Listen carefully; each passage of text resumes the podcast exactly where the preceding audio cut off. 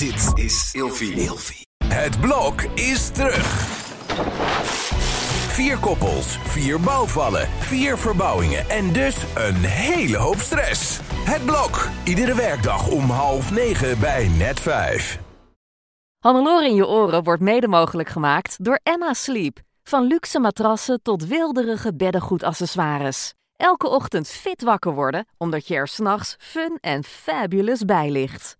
Krijg nu korting oplopend tot 50% en met nog eens 10% extra korting wanneer je mijn persoonlijke code gebruikt. Dat is Hannelore in hoofdletters gespeld. Klik op de link in de beschrijving van deze podcast. Droom bijvoorbeeld lekker weg op een Storage Deluxe Boxspring met een airgrid kussen en een vier seizoenen dekbed. Heerlijk toch? En dan nu de podcast.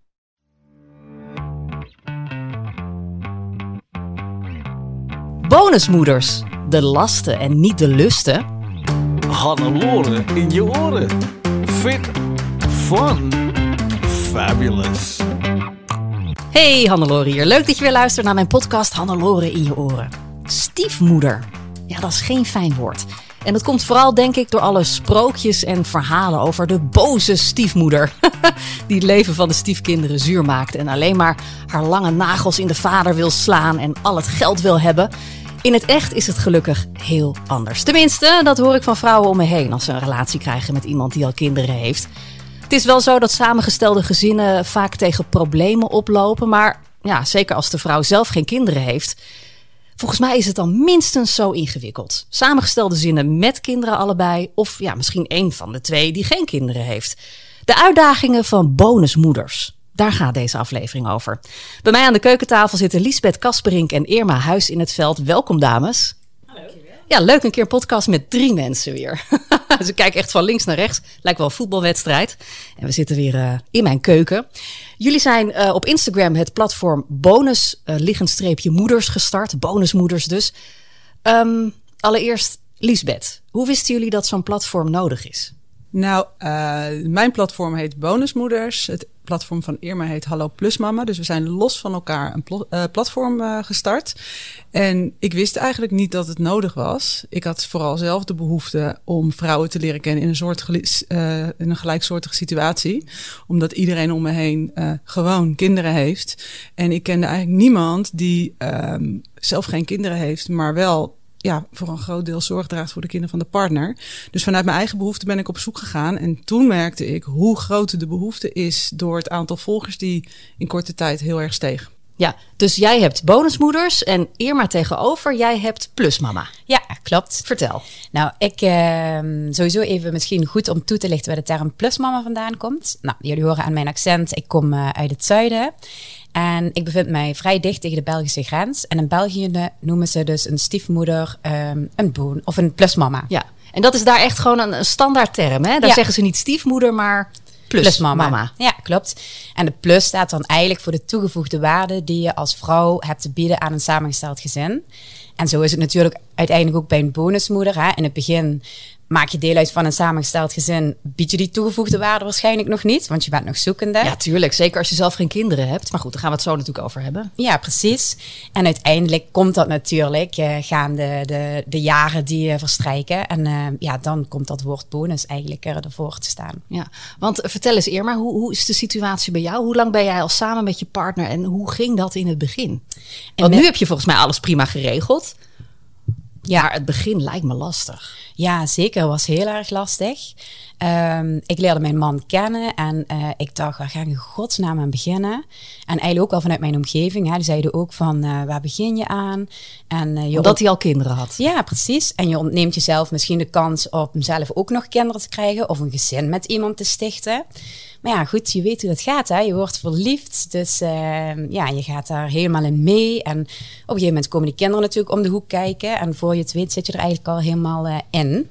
Want hoe oud waren de kinderen toen je ze leerde kennen? Uh, bij mij waren ze drie en vijf, dus wel nog uh, vrij jong. En dat maakte denk ik ook wel iets makkelijker. Um, omdat ja, de kinderen groeien echt met mij op dan wanneer dat kinderen bijvoorbeeld tieners zijn uh, en uh, jij in hun leven komt. Ja, dat, dat lijkt me ook ingewikkeld. Sowieso zijn tieners heel erg ingewikkeld hoor. Ja, dat absoluut. weet ik dan wel uit eigen ervaring.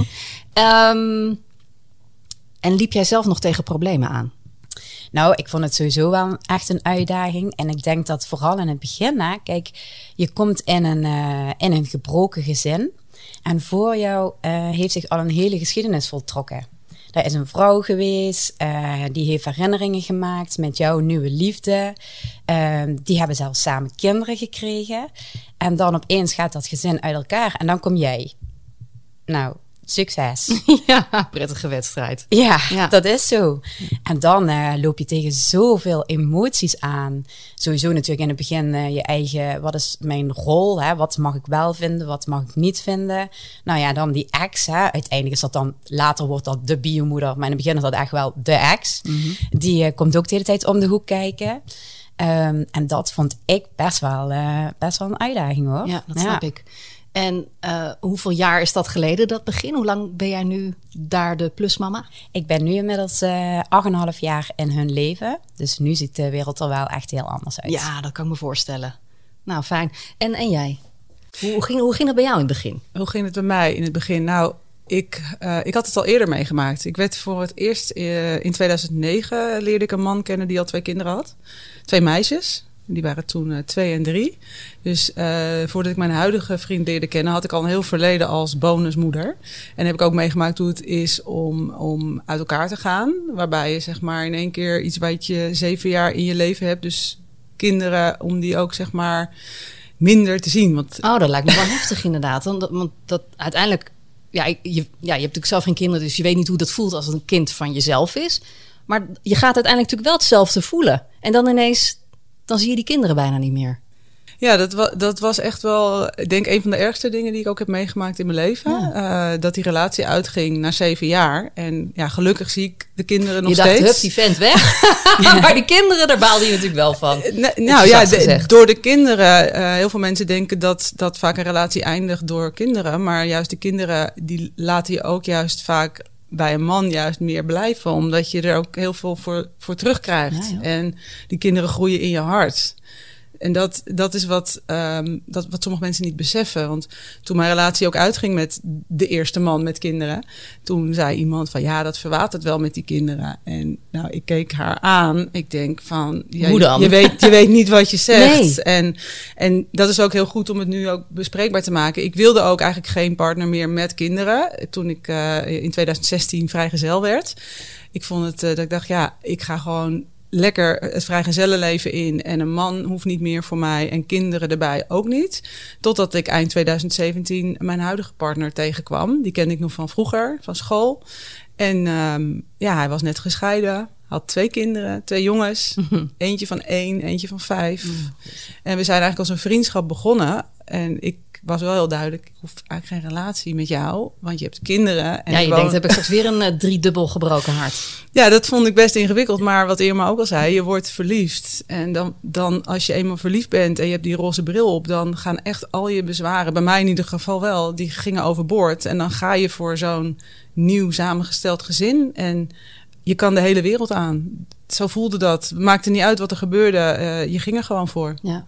En heb je nu nog contact met die, met die twee dochters? Die, uh, ja, ja dat, dat uh, vind ik ook heel belangrijk om dat even te benoemen. Ik zie deze meiden nog steeds. Ze zijn inmiddels 16 en 17. Ik denk dat ik ze ongeveer drie, vier keer per jaar zie.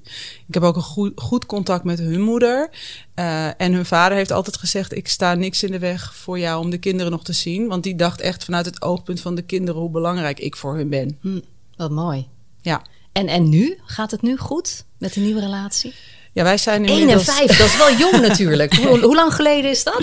Nou, uh, Michael en ik kwamen elkaar in uh, 2017 weer tegen via social media, Facebook. En, uh, en nou ja, we gingen afspreken. En ik denk dat we in 2018, begin 2018, een relatie kregen. Dat is inmiddels bijna zes jaar alweer. Ja, en toen was er inderdaad een jongetje van één en een jongetje van vijf die net een scheiding hadden meegemaakt. En dat was, uh, nou, eigenlijk best wel ook heel pittig in het begin. Want je voelde wel dat die kinderen iets hadden meegemaakt. Maar ze waren ook heel makkelijk dat ze zoiets hadden: hé, hey, mijn vader is weer gelukkig met iemand. Die loyaliteit hebben kinderen ook heel erg. Dat ze zien, hé, hey, mijn vader is weer blij met iemand anders. Dus ze sluiten jou ook heel snel in hun hart, hoe jong ze zijn, hè? Mooi is dat. Ja. Ja, ze zeggen altijd, kinderen zijn flexibel en veerkrachtig. Maar dat blijkt dan dus ook echt. Enorm. Ja. Ja. Ja, De ex. Het wordt zo een paar keer gevallen. Ik vind dat zo'n belangrijk onderwerp. En dat is bovendien ook iets waar ik, ik, ik zelf ook echt mee te maken heb. Uh, twee van mijn uh, vriendinnen. Die zijn onlangs uh, gescheiden. En die zijn dus allebei de boze ex. dus ik dacht, weet je wat? Daar gaan we een aparte aflevering over maken. Dat doen we dan de volgende keer. Ik wil nu vandaag met jullie wat meer de diepte in over de problemen waar plusmama's slash bonusmoeders dan tegenaan lopen. Want um, ja, we hebben er al een paar benoemd. Wat is volgens jullie nou het, het, het grootste struikelblok in het begin van een relatie? In het begin van een relatie. Um, ik vind dat wel een hele goede vraag. En ik merk dat ik daar ook wel even over na moet denken. Want ja, we hebben natuurlijk al die biomoeder wel genoemd. Um, maar ik denk ook wel uh, je eigen rol. Want um, als je de theorieboeken erop naslaat, hè, dan zie je altijd van uh, ja, je moet toch een bepaalde afstand bewaren. En uh, laat de opvoeding maar vooral over aan de ouders. Bemoei je daar niet te veel mee. Ja, dat is onmogelijk. In mijn situatie was dat echt onmogelijk. Uh, mijn man die zei s ochtends om zeven uur, doe ik ben werken. Ja, en dan stond ik daar en zaten er twee van die meisjes van drie en vijf in de keuken. Die keken mij dan zo aan van, wat gaan we doen? En uh, ja, wat je dan gewoon gaat doen, is je gaat een moederrol vervullen. Ja, wat me wel heftig lijkt als je zelf geen, geen kinderen hebt. Ik bedoel, ik, ik ga even van mezelf uit. Hè. Ik had geen idee met kinderen hoe ik dat aan ging pakken. Maar op het moment dat mijn oudste dochter werd geboren, je groeit langzaam in die rol als moeder. En elke fase ontdek je weer nieuwe dingen. En dan denk je, oh, zo, zo werkt het. Bij de tweede gaat het al wat soepeler. Maar als je zelf ja, geen, geen kinderen hebt, echt van baby af aan ja. Hoe pak je dat aan? Ja, precies. Er zitten gewoon opeens twee, twee meisjes in mijn geval en die kijken je aan. En dan denk je, ja, dan gaan we maar beginnen. Oké, we gaan de boterhammen smeren, zorgen dat ze ontbijt krijgen, de lunch. Uh, je gaat zelf naar je werk, je brengt ze naar school. Uh, hebben ze een feestje, daar breng je ze naartoe. Gaan ze sporten, ga je met ze mee. Uh, en voor je het weet zit je daar helemaal in. Je groeit daarin. Je brengt ze s'avonds naar bed, je leest het verhaaltje voor. Maar, maar voel je je dan een oppas of au pair of, of echt een moeder? Ja, dat is een hele mooie vraag. Want ik denk in het begin um, voel ik daar nog niks bij. Heb ik daar geen gevoel bij? Is gewoon een zorgrol, die pak je op. Maar uh, gedurende de loop der tijd, dan uh, ga je toch dingen die jij als vrouw zijnde ook hebt meegekregen vanuit jouw opvoeding, ga je ook aan de kinderen overgeven. Dat ga je doen. Ja. En dat is grappig, want dan zie je opeens gedrag dat je denkt van, hé, maar dat is van mij. Dat hebben ze van mij, denk ik. Ja. trots, ja. Ja, ja. en dat, dat is dus echt een groeiproces. En uh, ja, die kinderen gaan daarin mee, want voor de kinderen is het ook niet makkelijk, hè? Want ja, die zitten één week, in ons geval dan zijn ze bij ons en één week zijn ze bij hun moeder. Dus die moeten ook continu switchen natuurlijk. Maar uh, ja, het, ja, het is een groeiproces. Je groeit erin. En, en, wanneer voel je dan voor de eerste keer moeder? Is dat bijvoorbeeld op het moment dat, dat uh, een van de kindjes echt troost zoekt bij jou voor iets? Uh, bijvoorbeeld, ja. Als dat lijkt me dan echt zo'n zo'n moment dat je denkt, oh ja, nu uh, dat, dat je dan ineens ook je, je hart mee, mee gaat doen, zeg maar. Dat je ja, dat is echt zo. Uh, of als je ze bijvoorbeeld naar school brengt en opeens komen ze naar je toe en je krijgt een dikke knuffel en nog een kus. Of ze laten een traan bij de wissel omdat ze jou zo erg gaan missen. Um, en ik merkte het bij mezelf op een gegeven moment dat ik tegen de kinderen. Eerst was het zo van: uh, hey uh, Robin of Franske, want weet ze, doe dit of dat. Maar op een gegeven moment was het: uh, lieverd, wil je me even, even dit pakken of help me eventjes? En toen dacht ik van: ja, nu is het moment daar dat je die kinderen zo in je hart hebt gesloten. Ja, dan heb je gewoon, ja, ik denk toch gewoon het moederhart. Ja, ja, mooi. Heb je ook van die momentjes gehad? Jazeker. Ik zit even ook te genieten van jouw verhaal, Irma. Ik, um, ik, ik denk dat we allemaal als mevrouw moeder zijn. ja. Net als dat we uh, allemaal ja, een soort van verbindenis voelen. We zijn er voor elkaar, toch? Ja, zeker. Maar um, toen ik de eerste keer bonusmoeder werd, het was dus ook van twee meisjes. Toen was ik nog wat jonger, ben ik er best wel op een andere manier ingegaan, denk ik nu als de tweede keer. Dus ik herken heel veel wat Irma nu vertelt over mijn eerste keer. Dan ga je er ook inderdaad helemaal voor. Je gaat van alles met ze doen. En voor je het weet, ja, die kinderen die, als die bij ons kwamen, was het niet waar is papa, was het altijd waar is Lisbeth.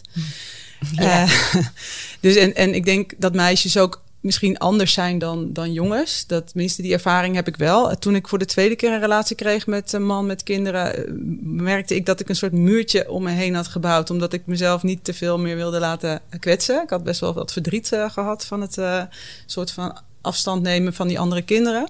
Maar op het moment dat ik mijn hart wel weer open ging zetten, dan merk je ook dat die kinderen dichterbij komen. En ja, ik, ik herken ook wel wat je zegt van dat ze. Um, dat je inderdaad vanuit in eerste instantie hun namen naar lieverd. En dat je ze gaat knuffelen. En dat ze ook zeggen: Jij bent de liefste bonusmoeder. Of nou, laatst had ik nog zo'n momentje. Dan uh, lagen wij nog in bed. En dan waren die kinderen aan het gamen. En toen hoorde ik op een gegeven moment uh, die jongste zeggen: Nee, ik uh, ben nu op de telefoon van mijn bonusmoeder. En dat vind ik zo mooi hoe ze dat um, nou ja, beschrijven naar hun, naar hun vriendjes. Ja. Nou, dat zijn dus de mooie momenten. Maar er zijn natuurlijk ook momenten die je die kinderen wel achter het behang kan plakken. Hoe doe je dat dan als, als uh, bonusmoeder? Want ja, kan je dan wel echt kwaad worden? Ik kan als moeder af en toe echt wel uit mijn slot schieten. Maar ik kan me voorstellen als, als uh, stiefmoeder ja. dat het wel wat gevoeliger is. Nou, super goede vraag. Um, boos worden, ja, dat, ik ben niet zo vaak heel boos. Ik ben wel eens dat ik er soms even helemaal klaar mee ben. En in het begin eh, slik je dan in. Nu heb ik ook wel eens dat ik echt merk, ik vind dit gewoon echt niet oké.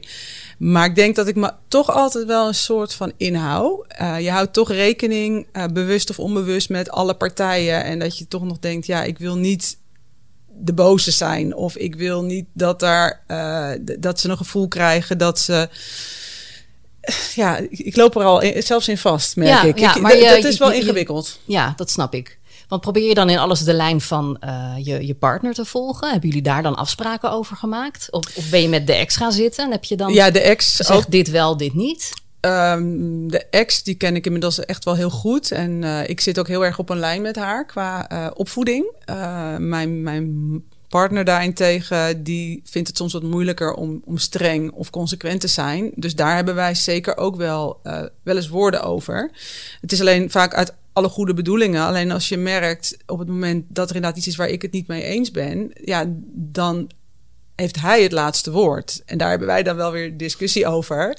En, maar dat vind ik het en wel... dan wel stiekem die ex van... Uh, zeg, hij vindt nu dit en dit, maar dat vinden wij niet, hè? dat zou, het zou kunnen. Maar het, weet je, als je, bij ons zijn de kinderen ook een hele week. Ze zijn er echt van maandag tot zondag. En maandag gaan ze weer naar school en dan haalt hun moeder ze op. Dus het is, het is echt 50-50. Dus je hebt ook echt te maken met opvoeding. En ja, daar noem je echt gelijk een punt. Dat, is, dat vind ik echt ingewikkeld. En we, we hebben er ook wel hulp bij gezocht. Om ook met coaches in gesprek te gaan. Om, ja, om daar echt ook meer begrip voor elkaar te krijgen. Maar in in kerngezin, om maar zo te zeggen, zullen ouders het ook niet altijd met elkaar eens zijn. Wij zijn het ook, uh, ja. uh, hebben ook vaak agree to disagree. En dan gaan we meestal met wat dan de strengste vindt. Um, maar ja, wij komen er ook vaak niet uit hoor. Dan denk ik, nou ja, prima dan, dan doen we dat maar. Maar hij is ook uh, veel rechtlijniger dan ik, waar ik veel meer kijk van per situatie van oké, okay, en dan leg ik ook uit de kinderen. Normaal zeggen we dit en dit, maar omdat dit en dit nu zo is, mag je dan dat een keer. Ja, Bijvoorbeeld ja. over hoe laat de, de, oudste dan thuis moet zijn, of dat ze wel of niet alleen mag fietsen, dat soort dingen. Daar liggen we echt heel ver uit elkaar. En meestal doen we dan wat hij goed vindt. Maar ik kan me voorstellen dat als je dan inderdaad nog met iemand anders moeten overleggen. Dat ja, lijkt me echt ontzettend ingewikkeld. Ja, er zijn heel veel partijen bij betrokken. Ja, ik wou net zeggen, bijna politieke onderhandelingen. Ja. ja. en hoe ging dat bij jou? Ja, dat is wel grappig, want bij ons dat eigenlijk niet, moet ik heel eerlijk zeggen. Want mijn man had zoiets van, weet je Irma, uh, als ik er niet ben, ben jij gewoon de baas, punt. En uh, die kinderen hebben gewoon naar jou te luisteren. En... Uh, ik weet wel nog dat ik de eerste keer boos werd. Eh, echt boos. En dan lachen de kinderen nu nog om. Dat doen ze dan na. Want ik doe dan blijkbaar klappen met mijn hand. En dan zeg ik, potverdorie. en dan uh, met mijn voet stamp ik nog een keer. En dan weten ze wel dat ik echt boos ben. Maar uh, dat zit gewoon in me. Ik kan dat niet, ik kan dat niet uh, tegenhouden. Als ik echt boos ben en denk van ja, ik heb jullie nu honderd keer gevraagd om dit of dat te doen. En jullie luisteren niet, nu is het gewoon klaar. En uh, ja, je hoort ook aan mijn stem, maar ik verhef mijn stem ook. Nou, als je een beetje standend in je handen klapt, vind ik het nog netjes hoor. Ja. Als ik uit mijn dak ga, dan uh, horen de buren het denk ik wel. Ja, maar dat is dan mijn manier van boos worden. Dat doe ik ook naar mijn man trouwens, als ik boos word. Ga je ook staan klappen dan? ja. Op mijn partner kan ik wel boos worden. Ja, goed zo. Nee, maar uh, ja, het gaat vanzelf. En uh, de meiden weten dat ook. Um, dus ik voel mij ook wij zijn wat dat betreft wel gelijkwaardig aan elkaar, mijn man en ik. En wij voeden op. En wij zeggen ook altijd, wij doen het zoals wij denken dat het goed is. En de regels in ons huis. En wat de moeder doet, dat is aan haar. En het grappige is, dat doet zij ook. Als de kinderen een keer bij ons zijn en zij is bijvoorbeeld, ze komt voor de wissel, komt de kinderen halen en er gebeurt nog iets. Waardoor ik bijvoorbeeld boos word of mijn man. Dan kijken de kinderen naar haar en zeggen ze, nee, ik zeg niks. Dit is nog de tijd van papa en Irma. Oh, wat goed. Ja, Ja. ja. dat is wel heel mooi. En liggen jullie wel een beetje op één lijn? Ja, Of is het heel verschillend eh, per week voor de kinderen? nee, we liggen wel echt op één lijn. Ja, en we maken er ook wel soms afspraken over. We zitten nu de oudste die begint te puberen. Dat is best een uitdaging. Ja. Het is nogal een chaot. Ehm Oh, dat wordt alleen maar wat. Ja, ik kijk daar ook niet naar uit. Maar ehm, ja, daar maken we bijvoorbeeld wel afspraken over, ook met de moeder. eh, dat als zij bijvoorbeeld haar kamer niet eh, heeft opgeruimd en het einde van de week dat ze bij ons weggaat, dan krijgt ze gewoon geen zakgeld. En dat doet zij dan ook. Ja, Nou, dat soort dingen. Ja, helder. ja Ja, goed zo. het werkt. Ja, en humor gaat je redden hoor. Maar Ja. goed, verder ben ik ook geen expert. Ehm, Oké, dus dat is opvoeding van de, van de kinderen. Hebben we dat ongeveer getackeld nu, dat onderwerp? Of vergeet ja, nou, dingen? eh, kijk, het is niet zo dat. eh, Kijk, als, als mijn vriend weg is, dan is het ook. Dan moet hij, zegt hij altijd wel: hey, eh, luisteren naar Lisbeth, zij is de baas. Dus dat. Oh, dat moet hij wel zeggen. eh, Benoemen. ja, dat- want ik merk al- inderdaad, als hij dat niet zegt, dan zijn ze toch wat minder gehoorzaam. Ja, heel, dat is toch heel anders. dat. Als mijn man weggaat, zegt hij nooit luister naar mama. Dat is dan vanzelfsprekend. Maar bij jou is dat dus wel echt nog dat het benoemd ja, moet worden. ik vind ja. het ook een interessante materie, eh, merk ik. Ja. Ja. Maar het is, het- is oké. Het blijft een zoektocht, hè? Ja, nee, en eh, wa- wat werkt, dat werkt toch? Ik bedoel, eh, als, als het allemaal goed gaat, prima joh. Opvoeden. Nou, Ja. oké, check. Ehm, financiën. Oh, dat lijkt me ook een ding. Want je moet natuurlijk dingen voor die kinderen kopen. Ehm, misschien moet de ex nog geld krijgen. Elke... Hoe hebben jullie dat geregeld? Was dat een ding? Nou, dat is. In, ja, in het begin ben je daar ook eigenlijk niet mee bezig. In het begin ben je, in, mijn geval, ben ik nergens mee bezig. Je stapt erin en je ontdekt eh, in de loop er naartoe, merk je van hé, hey, eh, dit gaat er gebeuren. Kijk, toen, ik, ehm, toen wij samenkwamen, hadden we allebei nog een baan in loondienst. En we zijn op een gegeven moment allebei ondernemer geworden. Waarbij je op een gegeven moment merkte dat eh, ik wel een tijdje wat meer verdiende. Dus dan ging er ook wat meer geld vanuit mijn bankrekening naar het huishouden en dus ook de kinderen. En ja, hoe- hoeveel ik van de jongens hou en van mijn man, merkte ik dat ik dat op een gegeven moment best wel lastig vond. Dat ik ook heel veel geld eh besteedde aan dingen die ik niet aan mezelf kon besteden. Nee, ja, dat snap ik. Ja. Ehm, alimentatie eh, is bij ons nooit eh, ter sprake geweest. Dat is wel, weet ik, een issue bij heel veel samengestelde gezinnen. Maar eigenlijk zijn mijn vriend en, en zijn ex uit elkaar gegaan. Dat ze allebei evenveel ongeveer verdienden. Zo van, hé, hey, we laten het zo. We zorgen ook evenveel voor de kinderen. Dus dat is eigenlijk bij ons gelukkig nooit een issue. Nee, had het ook gekund, zeg maar, eh, dat de alimentatie eh, wel een issue was en dat jij dan uiteindelijk meer geld aan de ex had moeten betalen?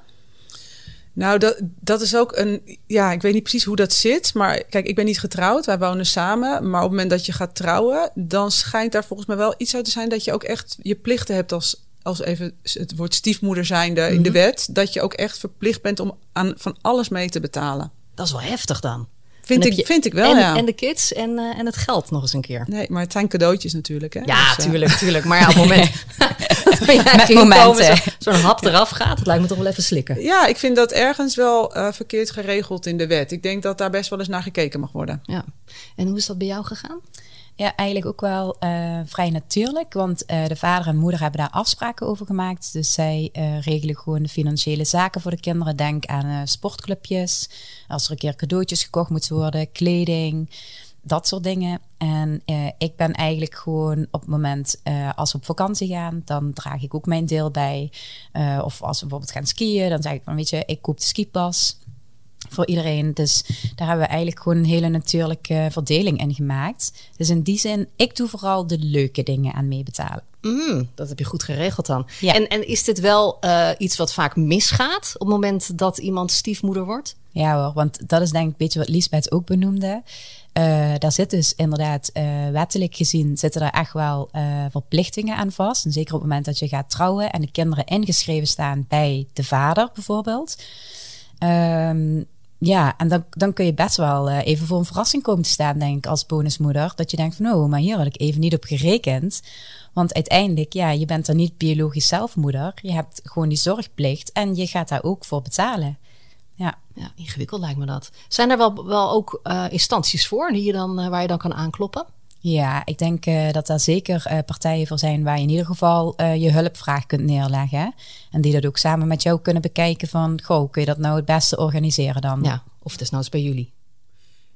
Of bij ons, ja. Ja, ze kunnen zeker. Ja, ik, ik weet ook niet van de hoed en de rand, maar ik vind wel dat daar wat meer aandacht aan besteed mag worden. En kijk, je stapt inderdaad een relatie. Je hebt geen idee wat er, waar je aan begint. Ook niet met een eigen kind. Maar qua financiën, ja, dat was niet in me opgekomen dat je ook een soort van plichten daarin hebt. Het leek mij eigenlijk logisch dat, dat de rechten en de plichten aan de, bij de ouders liggen, maar dat zit toch wel uh, complexer. Ja. Um, ja, trouwens, om nog even op het stukje financiën. Wij hebben ook wel allebei ons, gewoon onze eigen rekening. En um, mijn vriend en de moeder van de kinderen hebben ook samen een rekening waar inderdaad het sporten, de cadeautjes en zo van afgaan. Dus de kleding. Nou, ik heb zelf ook twee uh, eigen rekeningen hoor. yeah. ook al ben ik getrouwd in gemeenschap van goederen. Ik vind dat gewoon wel belangrijk, dat je ook gewoon uh, zicht hebt op je eigen geld. Zeker. Toch? Ja, eens. Planning. Planning lijkt me ook lastig hoor, met al die vakanties en dingen en dan week op, week af. Uh, was dat uh, een hoop gepuzzel? Ja, oh, daar noem je inderdaad wat. De vakantie. Ik, ik, ben zelf helemaal niet een planner dat ik al heel lang van tevoren ga plannen wanneer ik op vakantie uh, ga. Maar. Ja, nu moet je wel. Je ja, en dat is nog niet eens het. het ja, dat is nog vrij simpel om te plannen tussen ons.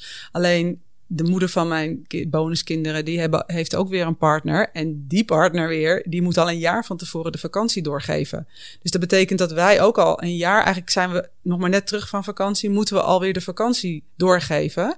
En ik had echt zoiets van, ja jeetje, moet ik dat nu al doorgeven wanneer ik over een jaar op vakantie ga? Maar dus, ja, zo zie je hoeveel je inderdaad rekening moet houden met alle, alle betrokken partijen. Ja, lastig. En ja. Ja, dat is bij ons niet anders. Het is nee. precies hetzelfde. Dat is ook echt een jaar van tevoren al van, uh, goh, uh, kunnen we al het hebben over de vakantie? Want de moeder heeft ook een samengesteld gezin. Dus heeft ook weer rekening te houden met een biomoeder. Um, dus dat is waar altijd best wel uh, even puzzelen. Hoor. Ja. ja. En, en worden daar ook dingen over vastgelegd? Je hebt bijvoorbeeld hè, van die mensen die uit elkaar gaan, die hebben dan een contract over eh, waar ze allerlei dingen in, uh, in afspreken, ook over de kinderen. Is dat dan vastgelegd van tevoren? Bijvoorbeeld de een de eerste helft altijd van de vakantie en de ander de andere helft? Of hoe gaat dat? Ja hoor, in heel veel gevallen wel. En uh, dat kun je bijvoorbeeld in een co-ouderschapsplan kun je dat vastleggen. Maar ik denk altijd, het heeft natuurlijk te maken met hoe jouw partner uit elkaar is gegaan met de biomoeder. En in onze situatie is dat gewoon uh, goed verlopen. Dus we zijn ook gewoon uh, on speaking terms. We kunnen gewoon goed met elkaar overleggen. We kunnen het erover hebben. En dan uh, kan ook makkelijk van zo'n ouderschapsplan, waar dat in vastgelegd is, worden afgeweken. Ja, precies. Dan is dat onderhandelbaar. Ja, precies. Ja. maar ook vaak genoeg niet dus, begrijp ik. Zeker. andere mensen. Nou, op onze platform, uh, wij doen vaak dilemma's uh, aan de kaak stellen. Zeg ik dat goed? Uh, en daar worden inderdaad, komen heel veel reacties op met, ja, wel ook hele hatelijke reacties soms. Dat ik echt denk, nou, nou, nou, zonde, weet je wat. Zijn dat de boze exen? Nou, maar ik, ik, kijk, de boze exen, um, ik vind dat eigenlijk heel kortzichtig. Want waarom is de ex de boze? Kijk, uh, de, de, de, de, de bonusmoeder is ook niet per se de heilige. Uiteindelijk is het goed om juist met elkaar in gesprek te gaan. En uh, elkaar um, je, je, je te verplaatsen in de ander. En ik heb geen idee hoe het is om hè, als biomoeder je kinderen met een andere vrouw te zien. Ik kan me echt voorstellen dat het heel, heel lastig is, vooral als ze nog heel klein zijn. En dat ze ook uh, hun liefde uitspreken over de nieuwe vriend van, vriendin van uh, papa. Maar ik denk dat, dat, dat het daar ook begint. Dat je ook als bonusmoeder, al die termen, dat je dan ook je echt moet verplaatsen in hoe dat ook is voor een biomoeder. En ook met elkaar het gesprek aangaan. En ook zeggen van, joh, ik snap dat het moeilijk voor je is. En dat je als biomoeder ook je kan inleven in de ander. Want ja, die liefde is er niet meer tussen de partners. Maar je, je moet toch altijd ruimte hebben voor nieuwe liefde. Ja. ja. en ook natuurlijk qua planning moet je blijven communiceren. Het lijkt me wel lekker dat als je dan een week die kinderen niet hebt, dat je dan gewoon lekker met z'n tweeën op pad kan. Ja, dat, toch? Ja, ik kan dat echt nooit namelijk. Ik heb nee. als gedacht, misschien moet ik gaan scheiden. Dan heb ik in elk geval een week rust, zeg maar, steeds. Ja, dat zeggen, zeggen heel veel vrienden van ons ook. Die zeggen van, oh toch, ja, soms ben ik wel echt jaloers op het leven wat jullie hebben. Want kijk, zodra die kinderen de deur uit zijn, dan kijken we elkaar aan en zeggen, zo, wat zullen we vanavond eens gaan doen? oh, dat is stiekem ja, lekker, ja. Dat is gewoon Naast het feit fijn. dat ik de kinderen ontzettend mis, dat, dat snap Zeker. ik ook. Dat is weer de keerzijde van de medaille. Ja, dat is ook zo. Maar nu ze wel ouder worden, wordt dat wel steeds makkelijker. Ik denk, mijn man had daar in het begin echt wel moeite mee. Maar nu, um, ja, de situatie is zo. En uh, daar maken we gewoon het beste van. En uh, daar halen we dan ook stiekem wel gewoon ons voordeel uit. Ja, gelijk heb je. Um, welke issues zijn er nog meer voor de stiefmoeders? Jij noemde het net inderdaad van als wij hebben ook natuurlijk week op week af en de weken met de kinderen. Ja, dan gaan we natuurlijk voor alles dat het goed ruilt en zeilt voor de jongens. Maar ja, groeien wij altijd weer even een klein beetje uit elkaar, omdat het dan even niet om ons draait, maar om het, het hele gezinsleven. En op het moment dat die, eh, meiden, die jongens dan weer naar hun moeder gaan, dan denk ik van dan hang je nou, samen en vinden lampen. Nou, dat is dus het issue. Kijk, ik denk, ah, nou, week gehad weer. Hartstikke leuk. Maar dan kijk ik echt weer uit naar de nieuwe week. En dan kijk ik mijn vriend aan. En die zit dan met tranen in zijn ogen, want die mist zijn kinderen dan onwijs. En dat, dat gevoel, dat heb ik dan niet. En dat is dan best, ja, het is best lastig dat je elkaar dan eigenlijk, dat je niet hetzelfde voelt. Ja, ja, dat begrijp ik. Dat is ook wel een issue natuurlijk. Het is toch mooi om te zien hoe, um, en dat, dat, blijkt ook wel uit deze podcast, dat niet één situatie is hetzelfde. Liesbeth en ik hebben allebei een samengesteld gezin, maar er zijn natuurlijk veel overeenkomsten, maar er zijn ook veel verschillen over hoe het aanvliegen, de gevoelens die we hebben. Um, ja, dat vind ik toch altijd wel heel bijzonder. Zijn er nog meer topics die we nog even moeten aanstippen? Jullie nou, zijn de experts, hè? Ja, ik, zeker. Ik weet hier niks. Ja, wat, wat ik echt heel belangrijk vind, is um, uh, vooral uh, blijf bij jezelf. Ga uit van je eigen kracht, van jouw unieke persoonlijkheid. Pak je ruimte, uh, vul die rol in waarvan jij denkt dat die goed is voor die kinderen. Um, en plaats ook vooral die kinderen voorop. Ja, ook omwille van die kinderen, zorg voor een goede verstandhouding. En um, ja, deel jouw liefde zoveel als je kunt met die kinderen. Ja, en wil ook niet de moeder vervangen. Dat, dat vind ik ook heel sterk. Jij bent een losstaand, jij bent echt een bonus, een, een extra die erbij is gekomen. Een vader en een moeder hebben ze al. Uh, je hebt heel vaak ook, hoor je ook van vrouwen, dat ze ook helemaal precies die moederrol willen vervullen. Maar ze hebben al een moeder. Dus jij bent iets anders voor een kind. En, en wat ben jij dan voor een kind? Nou, ja, nou, wel echt dat extraatje waar ze ook bij terecht kunnen. Ik bedoel, eh, ja, Chantal Jans met de grootste familie. Je krijgt echt een grote familie. Dus je krijgt echt extra, extra mensen die om jou geven. Die echt van je houden. Ik bedoel, kijk, tuurlijk heb ik af en toe dat ik denk van, wow, druk die jongens. Maar er moet niemand aan die kinderen komen. Want ik ben echt ook als een leeuw en ik doe alles voor ze. Als het erop aankomt, spring ik ook voor ze door het vuur. Hm, mooi. Waar kunnen mensen um, met vragen terecht? Nou, sowieso op ons platforms. Dus dat is uh, plusmama.nl of bonusmoeders natuurlijk op Instagram. Um, ze kunnen ons mailen, ze kunnen een privébericht sturen, ze kunnen ons daar volgen met dilemma's die wij uh, inbrengen, posts die wij maken. Um, bij andere coaches natuurlijk, want we hebben ook een breed netwerk inmiddels. Dus echt specifieke vragen, want wij zijn ervaringsdeskundigen, maar we zijn geen expert. En als het echt gaat over een specifiek vraagstuk, dat kan best ingewikkeld zijn. En dan hebben wij echt wel goede contacten met coaches die Want er zijn ook echt aparte coaches voor. Ja, absoluut. Ja, heel veel. Ja, heel veel. Het wordt er ook steeds meer. En gaat het ook via het consultatiebureau of hoe gaat dat? Dat durf ik eigenlijk niet te zeggen, maar uh, ik verwacht van wel, zeker. Want ik denk ook dat je daar Als die kinderen heel jong zijn. Ja, zeker. Dat je daar ook terecht kunt met vragen. Uh, maar wij doen het echt uh, zeg maar met coaches die zelfstandig zijn en die zich echt gespecialiseerd hebben in samengestelde gezinnen. Ja, ik denk wel dat je via consultatiebureaus misschien wel wat contacten kunt krijgen. Maar kijk, ik heb zelf een hele goede coach, Jeanette Hulscher van Hulscher Coaching. Ik ga gewoon even reclame voor de maken. Want zij heeft ons ook heel erg geholpen in onze nou ja, perikelen waar we soms tegenaan liepen. Um, dus ik, wil, ik zou echt de tip willen meegeven: gaat het even niet zo lekker in je samengestelde gezin. Um, zoek ook echt hulp. Want uh, twee van de drie samengestelde gezinnen gaan uit elkaar. En dat is zonde. Want soms heb je gewoon niet de handvatten die je nodig hebt, die een coach je wel kan geven. En als liefde er nog is, is het zonde om ja, uit elkaar te gaan. Dat kost ook nog veel meer geld. Een coach kost ook geld, maar zet daar overheen om ook echt met jezelf aan de slag en je relatie om die, om die gewoon te behouden. Dat is belangrijk. En jullie hebben ook een videoserie. Ja, vertel. ja. ja, de videoserie die is. Um, ja, eigenlijk een beetje per toeval uh, op ons pad gekomen. Ik uh, werk al heel lang samen met een videomaker, Tom Voermans. En hij kwam op een gegeven moment op het idee van, joh, dat bonusmoederschap, dat vind ik eigenlijk wel interessant om daar een soort documentaire voor te maken. Dus toen hebben Irma en ik nog drie andere bonusmoeders opgetrommeld. En hebben we inderdaad een serie gemaakt die we hebben betiteld als Bonusmoeders in de Spotlight. Uh, we hebben via donaties, we hebben echt een sponsoractie, want ja, we konden dat niet bekostigen zeg maar vanuit onze eigen uh, zak. En uh, hebben we geld opgehaald om ja, drie afleveringen te maken die te vinden zijn op YouTube. En hoe vind je die? Hoe vind je die? Die vind je via YouTube onder bonusmoeders in de spotlights.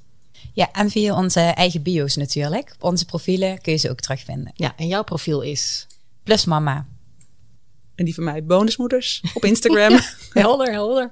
Oké, uh, dames, hartstikke bedankt. En de volgende keer gaan we het dus hebben over de boze ex. Ik gebruik de term nog maar een keer. Ik begrijp nu inderdaad, het zit heel anders. Maar ik ken toevallig twee boze exen van dichtbij. En die zijn echt boos. dus daar gaan we het de volgende keer over hebben. En jij bedankt voor het luisteren. Uh, laat me weten wat je van deze aflevering vond. Kan via Spotify, via de sterretjes kan je een waardering geven. Een recensie bij Apple, Apple Podcast. Zeg ik nou Apple? Apple Podcast.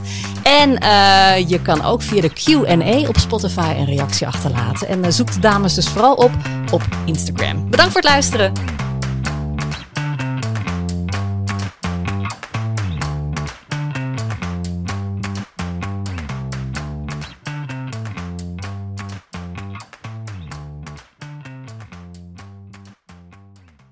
Hannelore in je oren wordt mede mogelijk gemaakt door Emma Sleep. Krijg nu korting oplopend tot 50% en met nog eens 10% extra korting wanneer je mijn persoonlijke code gebruikt. Dat is Hannelore in hoofdletters gespeld. Klik op de link in de beschrijving van deze podcast.